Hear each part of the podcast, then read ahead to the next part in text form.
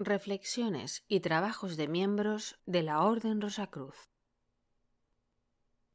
La incomodidad como trampolín de los cambios.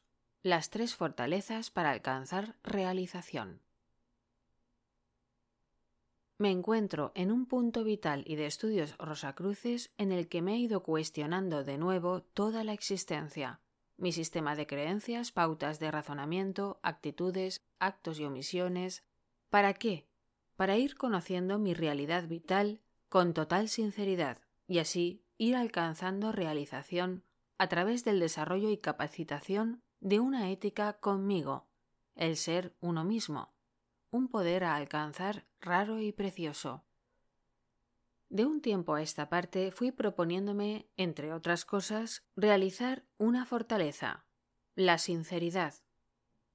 Me fui percatando, sin embargo, que primero había algo que contemplar, un aspecto de mí, al cual se le ha denominado en el ámbito de la psicología junguiana la sombra. La sombra solo indica un rasgo de la personalidad, un aspecto que se encuentra oculto, que podemos rechazar o a la que no se le suele integrar y tomar en consideración, e incluso se la niega, o la persona procede a un autoengaño. De ahí su acertado nombre. En nuestros estudios Rosacruces se nos indica que una de las fortalezas que podemos incorporar a nosotros como aliada inestimable en la vida es precisamente la sinceridad como herramienta para afrontar las dificultades de la misma, y por supuesto para afrontar esas otras realidades de nuestra personalidad, ya que la sinceridad con nosotros mismos, la integración de todos nuestros aspectos, la asimilación tanto de lo que nos gusta como lo que no, finalmente nos empodera y nos capacita para afrontar todos los desafíos de esa parte de la vida que también hemos de vivir, porque al aceptarnos, al aceptar esas otras facetas, también naturalizamos lo que antes nos disminuía y no deseábamos ver. La incorporación de la sinceridad es una herramienta de poder para alcanzar cierta libertad emocional y mental de las cosas incómodas que nos suceden, cuando éstas ya se incorporan.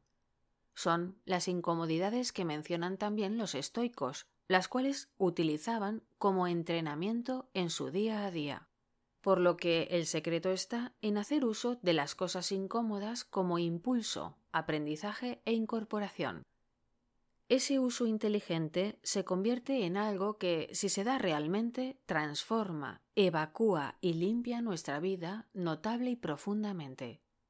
Y si esta acción se estabiliza como método de vida, entonces le daremos un curso continuado, un nuevo y saludable hábito, una manifestación continua de la que nos habla nuestra orden venerable.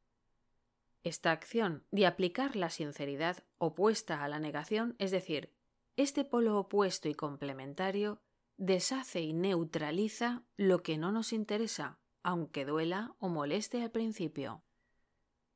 La sinceridad nos da la visión correcta de las cosas, nos da la visión correcta de nosotros y nuestra realidad, nos guste o no nos guste.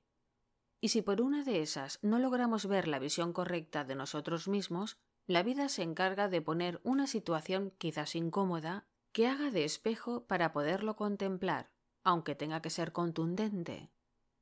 Hasta ahí llega la bondad divina para que nos demos cuenta de las cosas, aunque en nuestro desconocimiento y limitación no lo entendamos.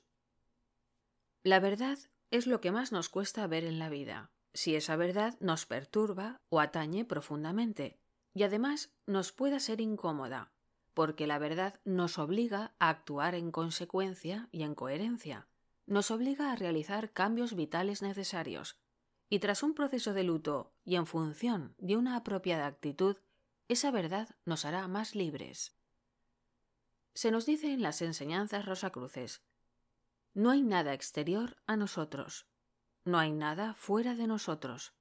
Nuestra vida y lo que la rodea somos nosotros. No hay nada que nos sea ajeno como humanos, y hemos de vivir toda experiencia dual de la misma. Todo tiene un propósito y es para bien. Todo es para bien. Confía. Confía. La sinceridad, por tanto, es un primer poder una primera fortaleza para ir afrontando e integrando todas las experiencias, todas las experiencias, acoplando en esta ecuación eso tan necesario y liberador, la confianza. La asimilación de lo visionado o experimentado en nosotros en la vida es un segundo poder que nos capacita para integrar las dificultades. ¿Para qué? Para nuestra realización personal.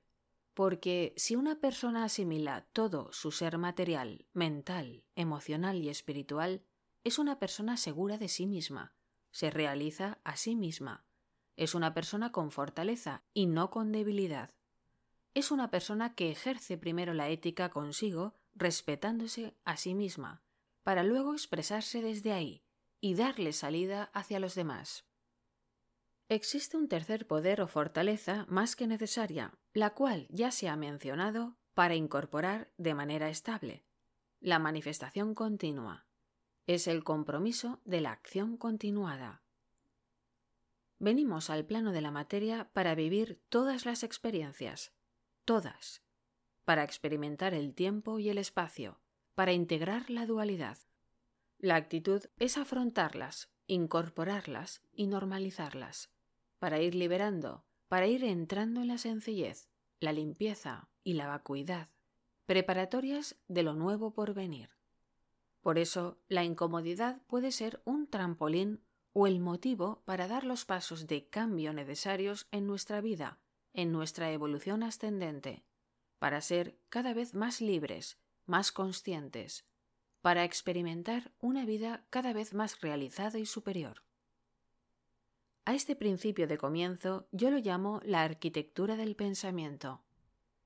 Este principio lo refiero a estructurar vida, plasmar en la materia toda abstracción de la mente, proyectos, ideas, darles salida a través del tiempo y del espacio en la medida de nuestras posibilidades.